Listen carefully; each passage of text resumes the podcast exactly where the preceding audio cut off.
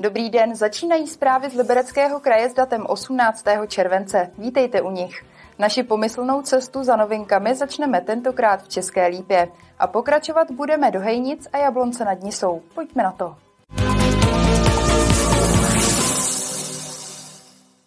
Opravy škol v České Lípě jsou v plném proudu. Rekonstrukci, případně celkovou výměnu potřebují střechy, okna, ale i plynové kotle. Město se na to připravilo necelých 10 milionů korun. Léto je nejideálnějším obdobím, kdy na školách provádět větší opravy. Budovy jsou prázdné a většinou přeje i počasí. Česká lípa letos usilovně pracuje na šesti základních a mateřských školách. Budeme uh letos vlastně postupovat ve výměně oken a to vlastně bude čtvrtá etapa výměny oken základní školy Partizánská, to už je poslední etapa, takže tam budou vyměněna všechna okna. Potom druhá etapa výměny oken na základní škole Miroslava doktora Tyrše, takže tam věřím, že to také pomůže. Opravu potřebují také některé střechy mateřských škol, třeba Mše Arbesova, Eliášova nebo Pátova. Ta jedna část je hotová u základní školy Pátová a myslím, že se ta střecha moc povedla, takže ta další část se vymění v letošním roce a bude to moc fajn. A zároveň už od loňského července probíhá demolice a výstavba pavilonu E v Zoše speciální Jižní. A je to poslední pavilon, který v této škole nebyl opraven a z všechny ty školy, všechny ty opravy by měly být hotové do konce prázdnin do začátku školního roku. I základní škola Jižní si zaslouží zásah, takže tam bychom pokračovali i mimo letní eh, mimo letní měsíce a chtěli bychom tam opravit havarijní střechu a okna v jedné části, v jednom z těch pavilonů základní školy. Celkem dále to radnice na opravy škol 9,5 milionů korun. Všechny zakázky se městu podařilo vysoutěžit za ceny nižší, než byl předpoklad. Martina Škrabálková, televize RTM+. Následuje přehled zpráv napříč naším krajem a začneme v Hrádku nad Nisou.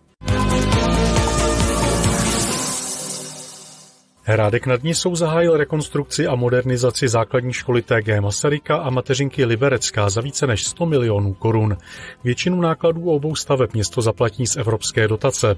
Z rozpočtu Hrádku půjde dohromady zhruba 10 milionů korun.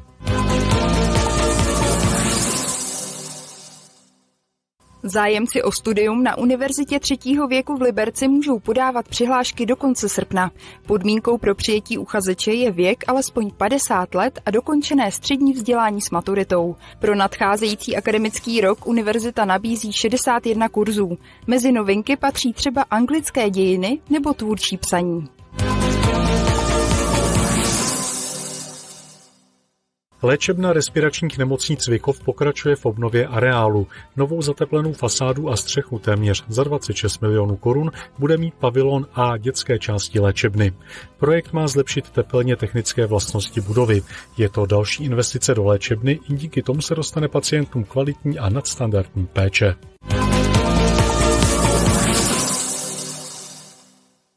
Hejnicích otevřeli nové turistické a informační centrum. Nachází se ve vestibulu kina. Kromě informačních služeb turisté ocení i pestrou nabídku propagačních materiálů města a také regionálních produktů. Městské turistické informační středisko zatím v Hejnicích chybělo. To se ale změnilo na konci května, kdy se jedno z Brusu nové otevřelo. Je to vlastně úplně premiéra jak pro nás, tak i pro to Ičko. Je zřízené v budově kina a vlastně dostalo úplně nový kabát a celý vlastně ten prostor tak nějak prokouknul a máme spoustu ohlasů, že to vlastně vypadá úplně jako kdyby tady vždycky patřilo.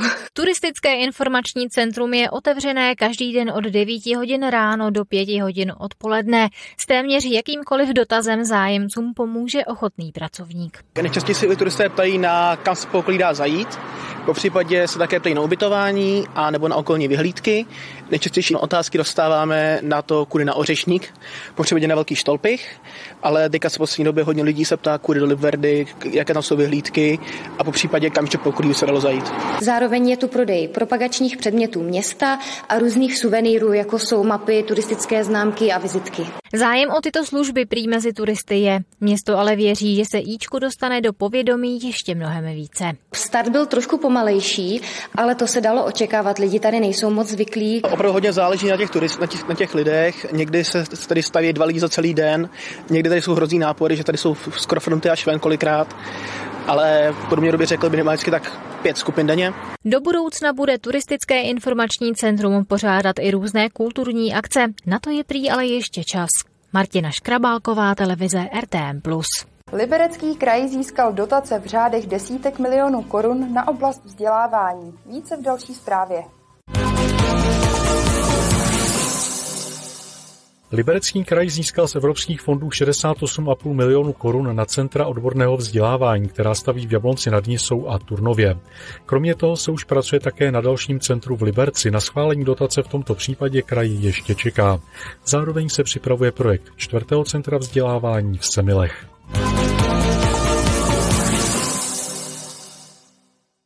Botanické zahradě Liberec kvetou největší lekníny světa, Viktorie Královská a Viktorie Krůzová. Bílý květ se večer uzavře a ponoří do vody, aby se ráno vynořil v růžové barvě. Zahrada chce návštěvníkům umožnit, aby viděli rozkvetlé Viktorie i v noci. Na srpen proto chystá komentované prohlídky. Modernizace parkoviště v Pastýřské ulici v Liberci, které je první etapou dlouho připravované výstavby městské třídy zvané Nová Pastýřská, začne v srpnu. Hotovo by mělo být do jara příštího roku. Za první etapu město zaplatí skoro 52 milionů korun.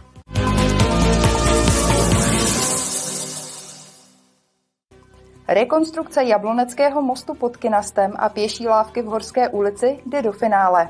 K úplnému dokončení už chybí jenom úprava jejich okolí. Jablonec nad Nisou zkoumá stav svých mostů průběžně. Ne všechny jsou ale v ideálním stavu. Z tohoto důvodu se v poslední době přistoupilo k velké rekonstrukci dvou z nich. Lávka v Horské ulici, eh, ta byla v minulosti schozena, demontována kvůli havarijnímu stavu, čili v letošním roce ta nová lávka tam byla umístěna eh, za výluky železniční dopravy, nahradí tu starou, která byla naprosto nevyhovující a veřejnost ji bude moct opět používat. Druhý most, který se dočkal obnovy, je most pod pod Kinastem. Ten byl demontován až při té první výluce, protože předtím tam ještě auta mohla jezdit, ale už s tonážním omezením. Poté se nová železobetonová konstrukce osadila, provedly se izolační vrstvy a poté se udělala vlastně ta vrchní asfaltová živičná vozovka. Most pod Kinastem by měl být otevřen a kompletně dokončen v srpnu. Ta lávka eh, horská, ta bude v červenci letošního roku. Průběžně musíme dělat eh, přibližně dva až tři mosty ročně, abychom dohnali jakýsi infrastrukturní dluh, který na těch mostech máme. Mosty, které jsou v plánu eh, pro nejbližší rekonstrukci, jsou most v ulici Luční a v ulici Mlínská. Případě mostu pod Kinastem se náklady vyšplhaly na 7,6 milionů korun. Lávka v ulici Horská pak vyšla na 2,6 milionů korun. Značnou část finančních prostředků přitom spolkly náklady na potřebnou výluku železniční trati. Aneta Punčuchářová, televize RTM+. Ze zpráv je to pro dnešek vše. Následuje předpověď počasí, liberecký magazín nebo naše archivní okénko. Hezkou zábavu a brzy na viděnou.